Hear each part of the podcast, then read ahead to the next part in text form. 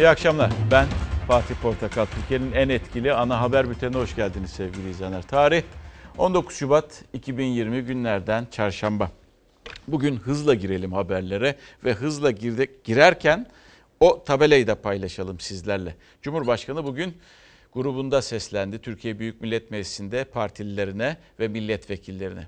Önemli konular vardı. İşte ekonomiyle ilgili konuştu. Birazdan geziyle ve Gezi Parkı direnişi davasıyla ilgili e, sözleri vardı. E, ardından neler gelişti onları e, dile getirdi. Ama İdlib meselesine, Suriye meselesine de girdi. İşte önemli açıklama oradan geldi. An meselesi dedi. Diyeceksiniz ki neyin an meselesi? Bir şey mi oluyor? Arkada cümle, cümleyi görüyorsunuz.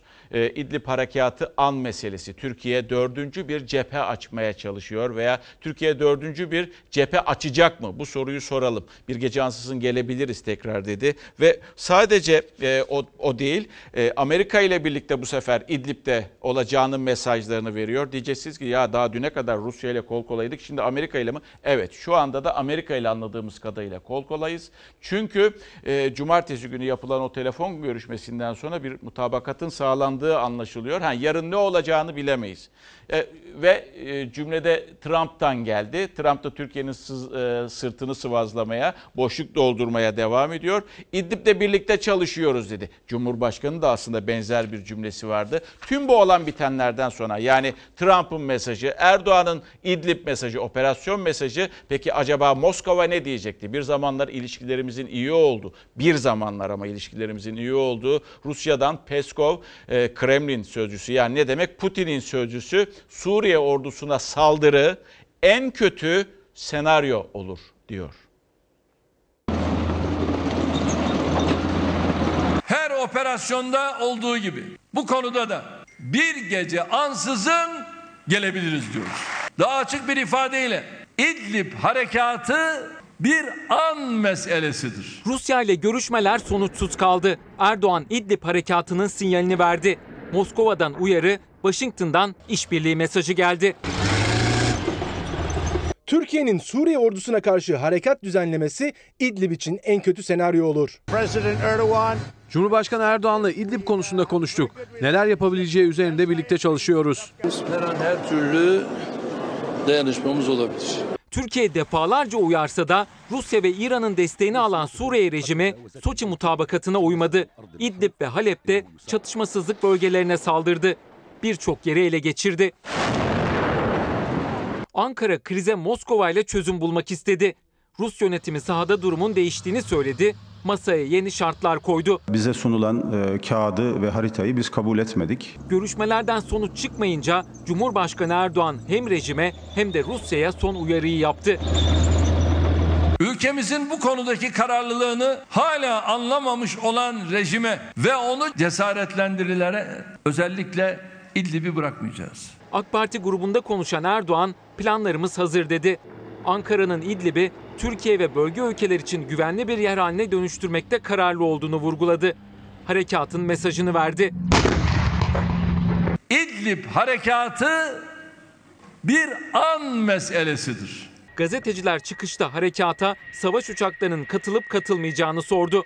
Bir gece ansın geldiğimizde adıyla sanıyla her şeyle geliriz. Cumhurbaşkanının sözleri sonrası gözler sınır hattına çevrildi. Bölgeye sevkiyatlar sürdü. Türk Silahlı Kuvvetleri sınırın Suriye tarafında da son hazırlıkları yapıyor. Yeni mevziler kazıldı. Bu mevziler obüs ve çok namlulu roket atarlarla güçlendirildi. Türkiye'nin çıkışına Rusya'dan yanıt geldi. Dışişleri Bakanı Lavrov Ankara'yı eleştirdi. Türkiye'nin Soçi yükümlülüklerini yerine getirmediğini öne sürdü. Türkiye'nin harekatının İdlib için en kötü senaryo olacağını açıklayan Kremlin'e Cumhurbaşkanı Erdoğan cevap verdi. Rusya bu tür kötü senaryoların içinde yer alacağına inanmıyorum. Bölgede tırmanan gerilimi Amerika'da yakından takip ediyor. Amerikan medyası Başkan Trump'a hafta sonu Cumhurbaşkanı Erdoğan'la yaptığı görüşmeyi sordu. Trump Erdoğan'la iyi ilişkiye sahip olduğunu açıkladı. Cumhurbaşkanının İdlib'de siviller için gösterdiği çabayı övdü. İşbirliği mesajı verdi. Kabul ediyorum sert biri ama çok iyi bir ilişkiye sahibiz. Ama şu gerçek ki İdlib konusunda savaşıyor. Binlerce, yüz binlerce kişinin öldürülmesini istemiyor. İdlib konusunda neler yapılabileceği üzerinde birlikte çalışıyoruz. Rusya'nın Suriye'deki tarafları uzlaştırma merkezi başkanı ise Amerika'yı hedef aldı. Pentagon'un Fırat'ın doğusunda teröristleri silahlandırmaya devam ettiğini söyledi. 2020'nin başından bu yana terör örgütü YPG PKK'ya 13 askeri konvoyla 300'ün üzerinde tır gönderildiğini açıkladı. Örgütün bu silahları Suriye'nin kuzeyinde Türk askerlerine karşı kullandığını belirtti. Ee, an meselesi İdlib Harekatı dördüncü bir cephe ve bu dördüncü cephede ne olur? Barış Pınarı Harekatı'na benzemesin ama. Yani böyle bir niyetiniz varsa Barış Pınarı Harekatı'na benzemesin. Amerika ve şimdi birlikte yürüneceğini anladığımız Amerika ve Rusya'nın mutabakat dayatmasıyla mutabakat dayatmasıyla Barış Pınarı operasyonu sonlandırıldı bizde.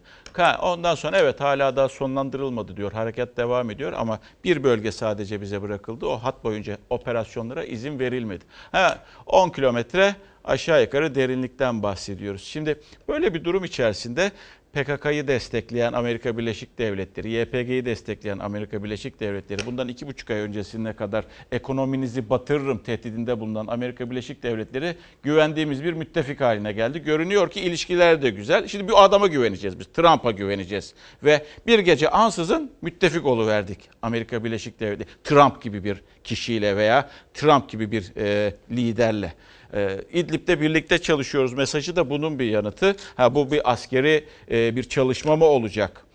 Ama bakıyorsunuz e, askeri operasyon olmaz dendi geçen gün. İstibari bir çalışma mı olacak veya oradan mültecilere yönelik bir çalışma mı olacak? Onu önümüzdeki günlerde göreceğiz. Ee, dediğimiz gibi PKK'ya destek veren, silah ambargosu uygulayan, ekonomik ambargo uygulayan Amerika şu anda bizim dostumuz oluverdi, müttefikimiz oluverdi. Orada bir söz vardı Peskov'un dikkat ediniz en kötü senaryo nedir? En kötü senaryo nedir diye soralım size. Çünkü saldırı en kötü senaryo olur dedi. Herhalde şunu demek istiyordu Putin'in sözcüsü. En kötü senaryo nedir'in cevabı bizimle karşı karşıya gelebilirsiniz çatışmadan bahsediyordu herhalde. O zaman da şu soruyu sormak gerekiyor İdlib'de. Su, acaba Suriye isteyip de Rusya mı Suriye'ye destek veriyor İdlib'de yoksa Rusya istiyor da Suriye ordusu saldırıyor ve bu şekilde e, HTŞ'ye yönelik bu şekilde Rusya mı acaba orada gerilimin yükselmesini istiyor? Hepsi soru ama en kötü senaryoda e, orada karşı karşıya gelinmesi olacak. Birkaç yıl öncesine, birkaç gün öncesine kadar veya bir ay öncesine kadar iyi dostum denilen Putin'le. Geldik çok tartışılan bir karardı sevgili izleyenler. Gezi davası, Gezi Parkı davası. Şimdi burada dün bir söz söylemiştim ben. İlk haberdi bizde. Dedim daha yani sevinmek için erken toz pembe bir durum var şu anda. Evet insanlar beraat etti ama Sayın Erdoğan'ın yarın yapacağı grupta dinlemesi, dinlemek gerekiyor. Ondan sonra konuşalım demiştim. Çünkü e, yani Erdoğan'ın nasıl e, tepki vereceğini 3 aşağı 5 yukarı tahmin edebiliyordum. Ki hiç de yanıltmadı beni. E, Birçok kimseyi de belki de yanıltmadı. Önce beraat etti. Önce beraat etti Gezi Parkı davasından. Ardından cezaevinde kaldığı süre içerisinde savcı istinafa başvurdu. Orada geçmişte yapılan benzer bir uygulama yapıldı. Bu sefer 15 Temmuz soruşturması var dendi ve gözaltı kararı verildi sevgili izleyenler. Böyle bir an yaşandı Türkiye'de. Cumhurbaşkanının buna savunması da şu şekildeydi. Çünkü hoşlanmadığı bir karardı. İlk karar o şekildeydi. Bir manevrayla beraat ettirmeye kalktılar dedi. Muhalefet ne diyor? Muhalefetin de tepkisi Erdoğan'ın talimatıyla bu karar alınmıştır.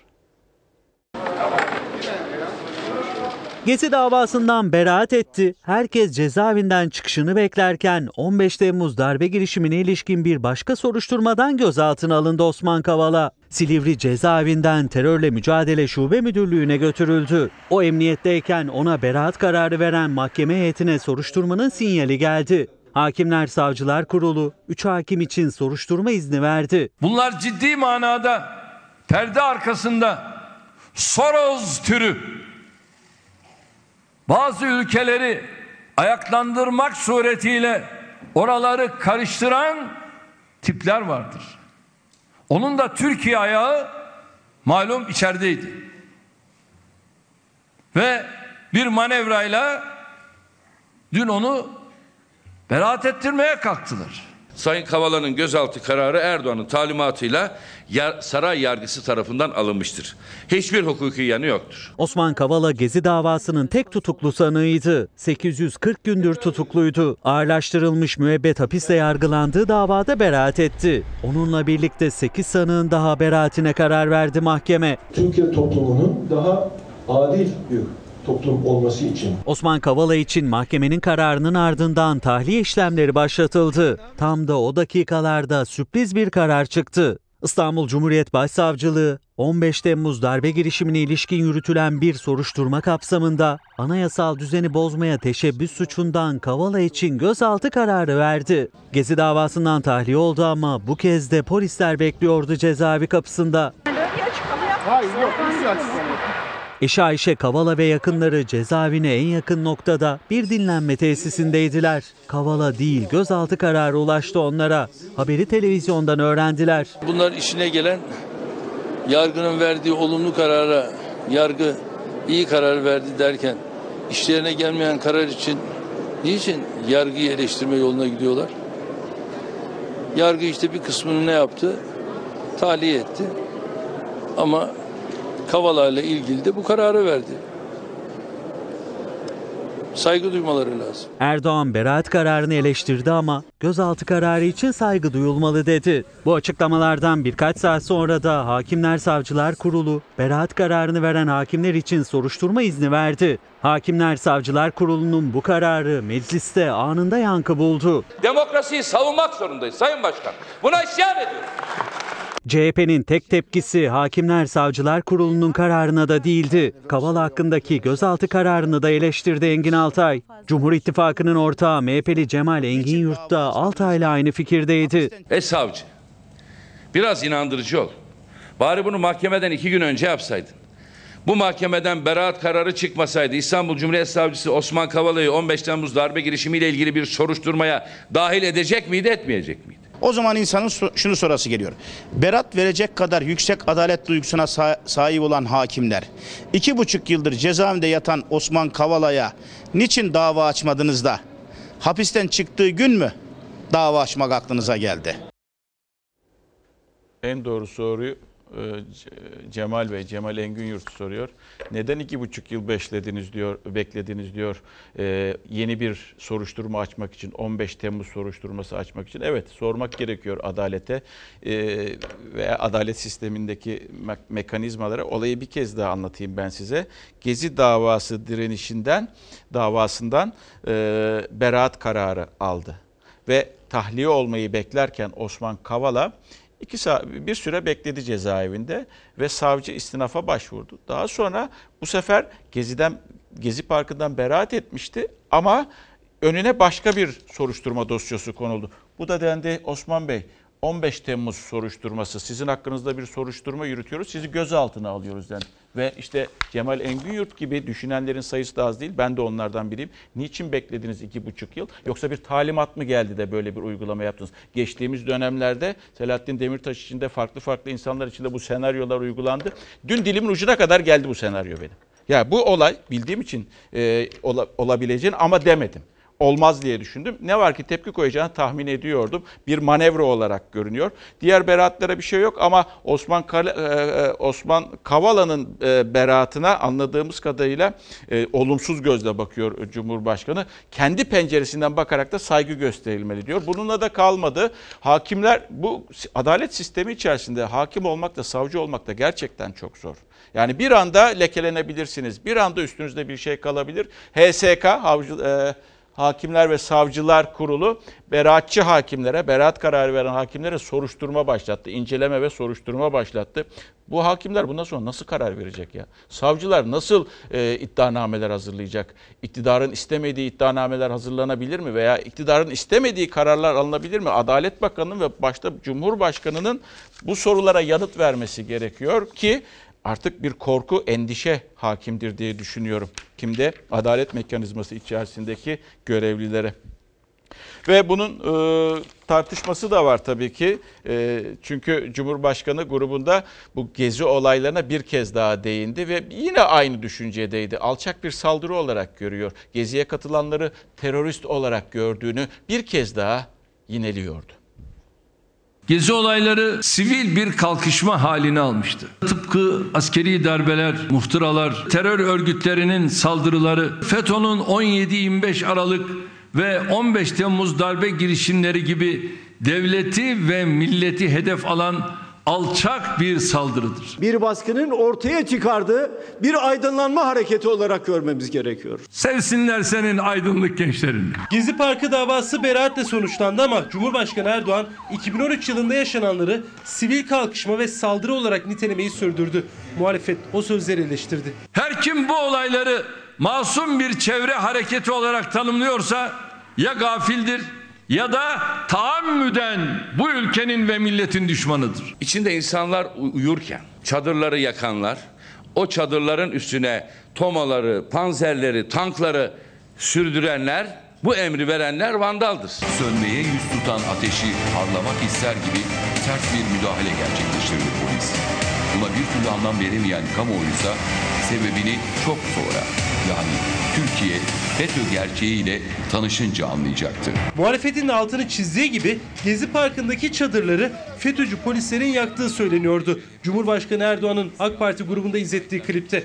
Ama Erdoğan sadece eylemcileri hedef aldı. Otobüsleri araçları yaktılar derken terörist benzetmesi de yaptı. Başbakan, Dolmabahçe'deki çalışma ofisim işgale yeltenmek suretiyle çatılara tırmanmaya kalkmışlar. Tıpkı Güneydoğu'daki o kanal açan teröristler gibi bunlar da aynını Beşiktaş'ta yapmışlardır. Devletin belediye otobüsünü, polis araçlarını yakanlar geziye katılanlar değildir. Oradaki ajan ve provokatörlerdir. Bu ülkede yıllarca terörist olarak tescil edilmiş olanların posterlerini Atatürk Kültür Merkezi'nin duvarlarına asanlar siz değil misiniz? Bay Kemal işte senin takımın bunları yaptı. Böyle barışçıl bir hareketi vandalizm diye tarif etmek gezi döneminde yaşananları görmemek demektir. Hukukun her kararına elbette saygımız vardır.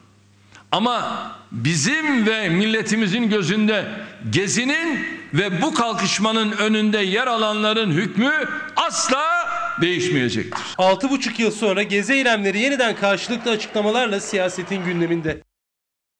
Şimdi Cumhurbaşkanı böyle diyorken ben de düşüncelerimi söyleyebilirim. Acaba şu olmayabilir. Şimdi Cumhurbaşkanı gafil olarak görüyor ve düşman olarak görüyor geziye katılanları veya o meydana çıkanları, Taksim meydana çıkanları. Acaba uyguladığınız politikalar olabilir mi? İnsanların giyinişiyle uğraştığınız, insanların içtiğiyle uğraştığınız, ne bileyim e, iki ayyaş örneğini verdiğiniz, ne bileyim e, e, Genelkurmay Başkanı'nın e, terörist olarak nitelendirilmesi geçmişte ve birçok askeri, birçok aydının, birçok akademisyenin, birçok gazetecinin kumpas davalarıyla içeri alınması, onlara kanunlarla kanunlarla yol vermeniz, Fenerbahçe kulübünün başına gelenler, yaşananlar bunların hiçbir etkisi yok mu? Kutuplaştırdığınız ülke, karşı karşıya getirdiğiniz insanlar bunların hiçbir etkisi yok mu acaba?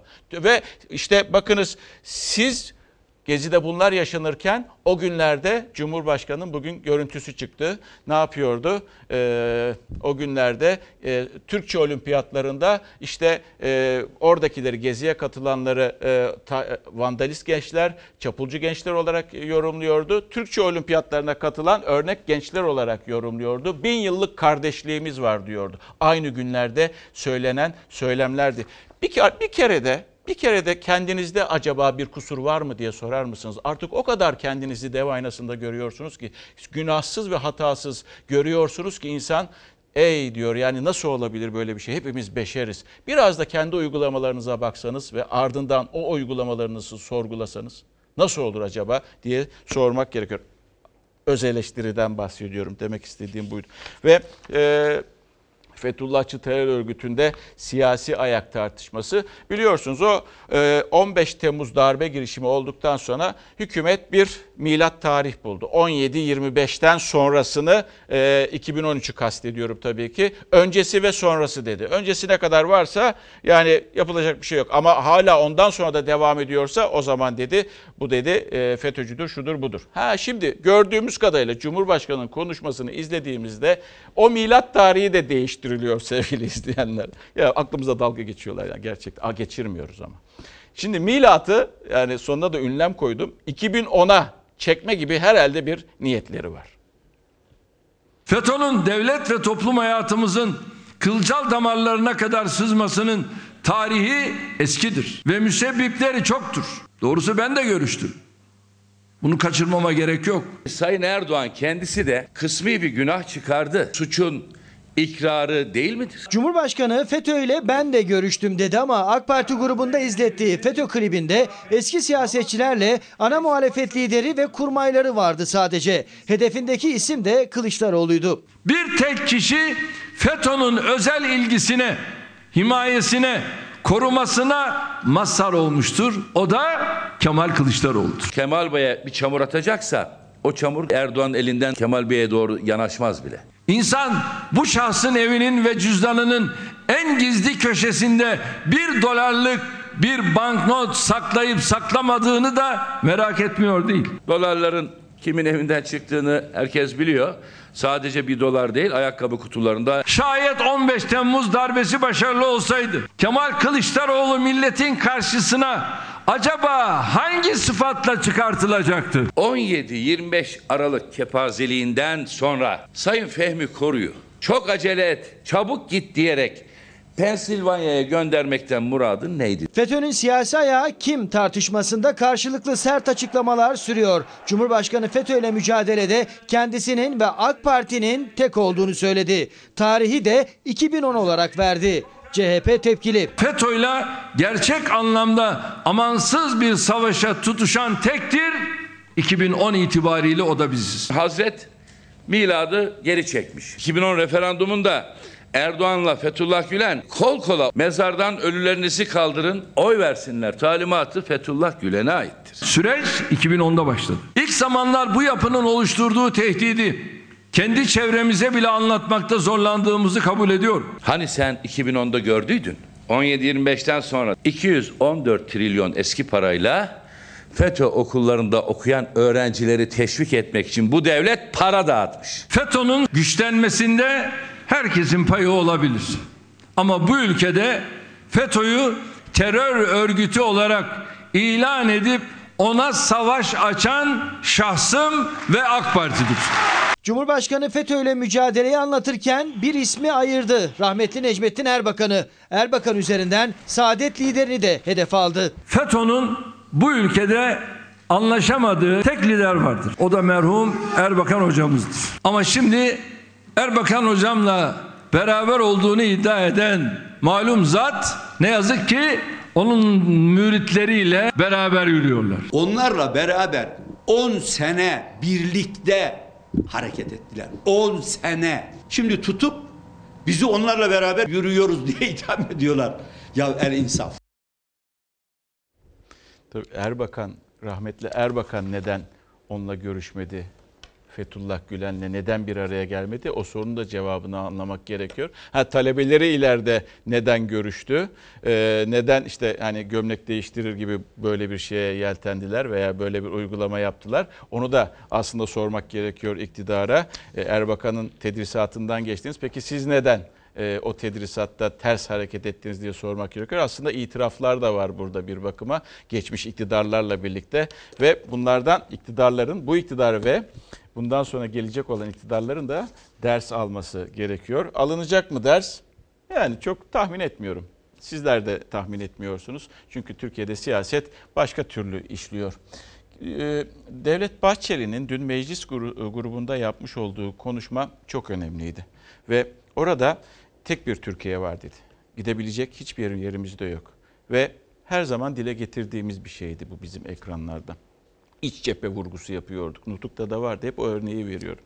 Atatürk öyle diyordu. İç cephenizi yani içinizi kuvvetli kılarsanız, birlik olursanız milli birlik dışarıdan size birileri e, hainlik yapmak isteyebilir, kötülük yapmak isteyebilir, ayakta kalırsınız diyordu. Herkese çağrım şudur diye başlayan o cümle, o paragraf bugün çok konuşuldu.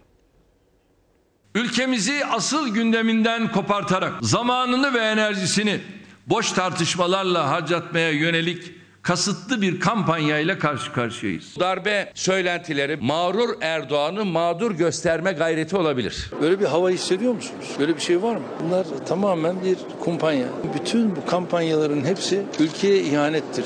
Darbe söylentileri hakkında Cumhurbaşkanı Erdoğan da konuştu. Bir darbe ihtimalinin söz konusu olmadığını söyledi. Bahçeli'nin çağrısı da siyasetin gündemindeydi. Herkese çağrım şudur. Çözemediğimiz sorunları derin dondurucuya koyalım. Milli birlik ve beraberlik şuuruyla samimi bir üslupla buluşalım. Siyasette yeni partiler kurmadan önce kartlar yeniden dizayn edilmeye çalışılıyor. Hangi düğmelere, hangi enter fişlerine basarsanız basın. Biz yolumuza devam edeceğiz. İyi Parti'den istifaları birileri düğmeye bastı diyerek yorumladı Meral Akşener. Ama en çok da MHP lideri Bahçeli'nin çıkışı ses getirdi. Bir tarafta yeni parti kuruluşları, bir tarafta FETÖ'nün siyasi ayağı tartışmaları var.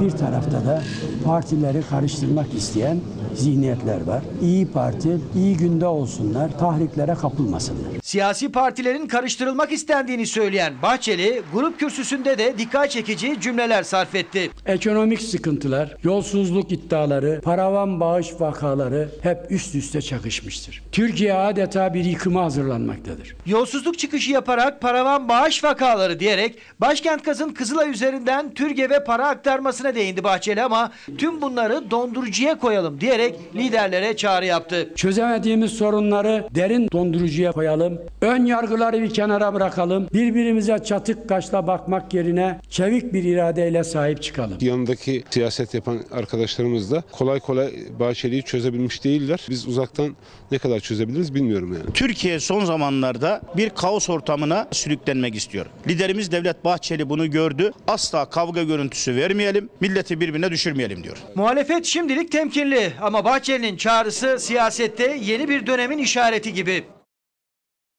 Cumhur İttifakı'nın bir ortağıydı. Cumhur İttifakı'nın e, bir e, lideri Sayın Erdoğan e, sert sözlerle hala da bir kutuplaştırma içerisinde ama diğer taraftan Cumhur İttifakı'nın diğer ortağı Bahçeli ise dünkü çıkışıyla yani herkese çağrım şudur. Milli birlik ve beraberlik sorunları donduralım. En azından bu zor günleri birlikte aşalım mesajıyla bir farklılık teşkil ediyor. Bu da tarihi sözler olarak aslında e, kaydedilmesi gerekiyor. Önümüzdeki günler önümüzdeki günler bir e, sandık gelir mi? Böyle gidecek olursa yani sonbahar aylarında veya işte e, yıl bitmeden hiç şaşırmayın neden olmasın.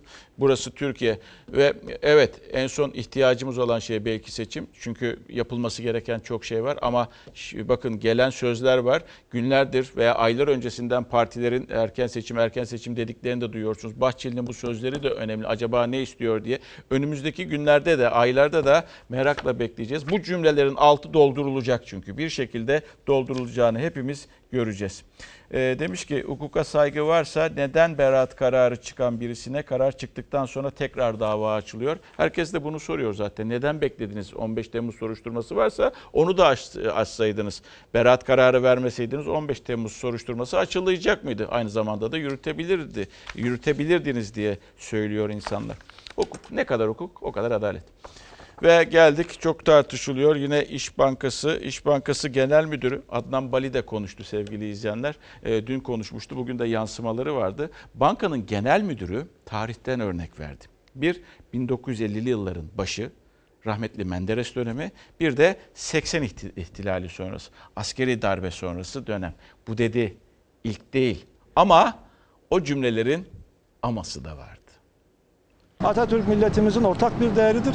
Atatürk'e ait her türlü değerin de devlet tarafından temsil edilmesi daha uygundur. Böyle bir şeyin olabilmesi orta yerde bu anayasa varken mümkün değil. 11-10-1963'te Anayasa Mahkemesi'nin verdiği karar çok açık ve nettir. 1953 yılında Cumhuriyet Halk Partisi'ne ait malların kamuya devri sırasında hisselerin de devri söz konusu olup 10 yıl sonra Anayasa Mahkemesi tarafından o kanunun iptal edilmesi suretiyle tekrar kamudan Cumhuriyet Halk Partisi'ne geçmiş. İş Bankası hisselerinin hazineye devre hamlesine karşı iktidara sadece CHP değil, İş Bankası Genel Müdürü de geçmişteki Anayasa Mahkemesi kararlarını hatırlattı. CHP'den geçmiş yıllarda alınan hisseler Anayasa Mahkemesi kararıyla iki kez CHP'ye teslim edildi diyerek. 1981 yılında Cumhuriyet Halk Partisi'nin tüzel kişiliği de sona erdikten sonra yine hisseler hazineye geçmiş. 92 ile 97 arasında da kısmen CHP hem de kısmen hazine tarafından temsil edildiği yıllarda olmuş. İş Bankası Genel Müdürü 10 yıllardır CHP'nin temsil ettiği Atatürk hisselerinin tartışıldığını söyledi.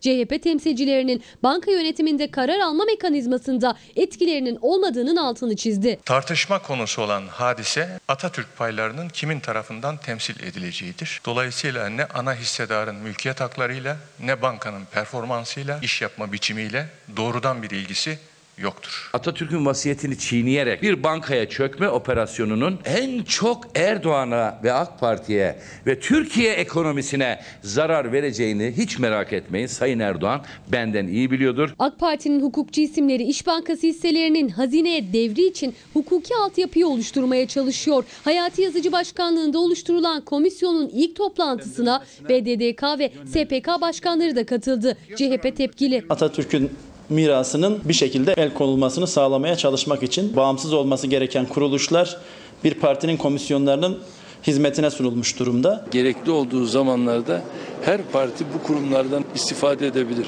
Yani şimdi diyelim ki CHP gidip bu kurullardan herhangi bir konuda istifade etmek isterse kurullar onlara da yardımcı olur. Cumhurbaşkanı BDDK ve SPK başkanlarının AK Parti toplantısına katılmasına doğal dedi. İktidar Atatürk'ün vasiyetinden kaynaklı %28'lik hissenin hazineye devrinin formülünü ararken CHP ise bir kez daha Anayasa Mahkemesi'ni işaret etti. Ve e, geldik ekonomi. E, Cumhurbaşkanı bugün evet e, ağırlıklı olarak bültende var. Çünkü bugün tek konuştu kendisi Türkiye Büyük Millet Meclisi'nde ve ekonomiyle ilgili konuşması. Şimdi hani Amerika ile karşılıklı böyle güzel sözler veriliyor ya birinci haberde verdik, İdlib haberinde verdik.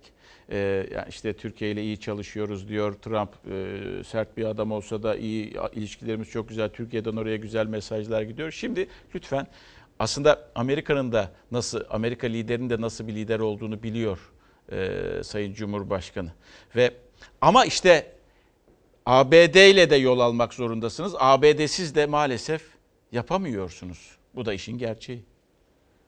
2018 Ağustos ayında tarihin en sinsi ekonomik saldırılarından birine maruz kaldık. Cumhurbaşkanı isim vermedi ama ekonomik saldırının arkasında Amerika olduğunu daha önce defalarca ifade etti. Trump'ın hem sosyal medya hem de sözlü tehdidi hala hafızalarda. Erdoğan sinsi saldırı dedikten sonra Trump'la yaptıkları yeni anlaşmayı açıkladı. Amerika Birleşik Devletleri Başkanı Sayın Trump ile 100 milyar dolarlık ticaret hacmine ulaşma hedefimizi ülkelerimiz arasındaki diğer sorunlardan ayrı tutma kararına vardık. Ankara-Washington hattındaki sorunları ticari hedeflerden ayırdık dedi Erdoğan. Ekonomik tabloyu değerlendirirken hedefinde Kılıçdaroğlu vardı. Saman ithalatı iddiası. Türkiye'nin bu kadar bereketli toprakları varken yurt dışından neden saman ithal ederiz? Bunca güzel iş olurken ülkemizin saman ithal ettiği gibi bir yalanı utanmadan tekrarlayabiliyor. En son nereden saman ithal ettik biliyor musunuz? İsviçre'den. Neymiş efendim? İsviçre'den saman ithal ediyormuş. Tabii bunlar sapla samanı ayırt edemedikleri için Evet evet çok küçük bir rakam ama İsviçre'den saman ithal ettik. 32 kilosu yaklaşık 6500 liraya yani kilosu 200 liraya ithal edilen ürünün adı Bay Kemal hububat kapçığıdır. Görüntüsü samana benziyor. Orada Bay Kemal saman yazmıyor. Cumhurbaşkanı ithal edilen saman değil dedi. Geleceğe dair iyimser sözlerini de Saadet Partisi lideri eleştirdi. Hala ekonomi üzerinden bizi vurmaya gayret eden densizler var. Vatandaşımızın geleceğe olan umudu artıyor. Sürekli ümit pompalıyor. Uçuyoruz, kanatlanıyoruz. Yakında bir take off olacak. Cumhurbaşkanı ekonominin iyi olduğunu düşünüyor. Bugün Antalya Manavgat'ta da hayatına son veren bir insan vardı. Mektup bırakmıştı borçlarından dolayı sevgili izleyenler. Bakın işin aslını anladık. Cümlenin içinde Kendisi söylüyor Cumhurbaşkanı. Ben bir şey demiyorum. Bir tarafta 100 milyar yani para, diğer 100 milyar dolar, diğer tarafta diğer sorunlar, aramızdaki sorunlar. Para her kapıyı açıyor para gördüğünüz gibi yani bir tarafta 100 milyar dolar ticari anlaşma diğer tarafta YPG, PYD konusu, PKK konusu, geç, silah, silah ambargosu konusu, F-35'ler, yediğimiz hakaretler onlar bir tarafta. Hı, unutuldu. Unutulmaz ama neticede para görüyorsunuz değil mi? Yani paranın yüzü sıcak derler ya aynen öyle. Geldik şimdi Elazığ'a gideceğiz. Bir, biz yalan haber yapmıyoruz. İki, biz çarpıtma haber yapmıyoruz. 3. Biz sadece var olanı gösteriyoruz.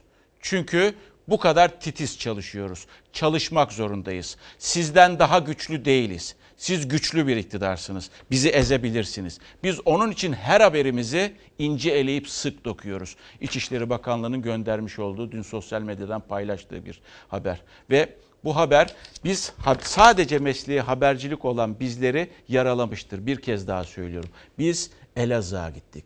Elazığ'daki o insanların onlar çağırdı da gittik. O insanların seslerini duyurduk. Seslerini duyurduk ki iyi ki de duyurmuşuz. Bir aydır biz buradayız. Ondan sonra valla bir yardım görmedik. Hani diyorlar ya anlatmaya gerek yok. Her şey ortada. Bugün de iş makineleri gelmiş buraya çakıl dökülüyor. Evet. Sobalar gelmiş, borular geldi. Evet Vali Bey bütün her şeyi konuştuğumuzun hepsini sabah hemen gönderdi. Gerekeni başlattı. Fox Haber seslerini duyurdu, zorluklarını ekranlara getirdi ve o gece hemen harekete geçti yetkililer. Vali gece yarısı ziyaret etti, eksikleri not aldı. Elazığ'da Akpınar Mahallesi'ndeki çadır kentin bu sabah itibariyle de tüm eksikleri tamamlandı. Konuştuğumuz gelmeye başladı. Vali Bey ile görüştüğümüz her şey gelmeye başladı bak. Dün akşam mı geldi buraya yetkililer? Vali Bey dün akşam geldi. Hı hı.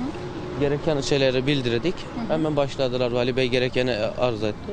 Bak bugün çalışmalar başlatıldı. Elazığ'da meydana gelen depremin üzerinden 26 gün geçti. Hem soğukla hem de eksiklerle mücadele ediyordu depremzedeler. Akpınar Mahallesi'ndeki çadır kentte o zorlukların yaşandığı noktalardan biriydi. Fox Haber o çadır kente gitti. Depremzedelerin duyuramadığı ses oldu. Burası Elazığ merkezde Akpınar Mahallesi'ndeki çadır kent. Bu çadır kentte yaklaşık 300 kişi yaşıyor ve diğer çadır kentlerde yaşayan depremzedeler gibi depremin üzerinden neredeyse bir ay geçmiş olmasına rağmen konteyner gelmemesinden şikayetçiler yardımlarda ulaşmıyor iddialarına göre sadece Kızılay'ın 3 öğün sıcak yemeği geliyor buraya. Ne belediye başkanı olsun ne milletvekili olsun yani oy toplarken hepsi burada. Hepsi burada. Ama hiç kimse yok. İşte bu sözlerle eksiklerini duyurmuştu depremzedeler. Haber yayınlandı ve hemen harekete geçti yetkililer. Bizim haberin ardından valilik aradı mı? Aynen hemen valilik geldi zaten buraya. Geldi ne dediler?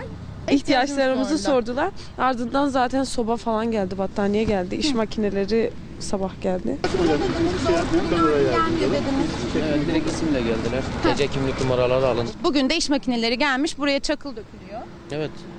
Sobalar gelmiş, borular geldi. Evet Vali Bey bütün her şeyi konuştuğumuzun hepsini sabah hemen gönderdi. Gerekeni başlattı. İşte o haberin etkisi buydu. Çadırlara soba, çamura yol, üşüyenlere battaniye oldu haber. Bir de ayakkabısı olmayan çocuklara ayakkabı. Geliyorlar, yazıyorlar. Ayakkabı numaran kaç? İşte kıyafetin kaç? Çıkıp gidiyorlar. Her gün bu kelime. Başka hiçbir şey yok. Baktık artık yok. Hiçbir ihtiyacımız yok diyoruz. Çünkü gelmiyor. Küçük çocuğumuz da var. Ya.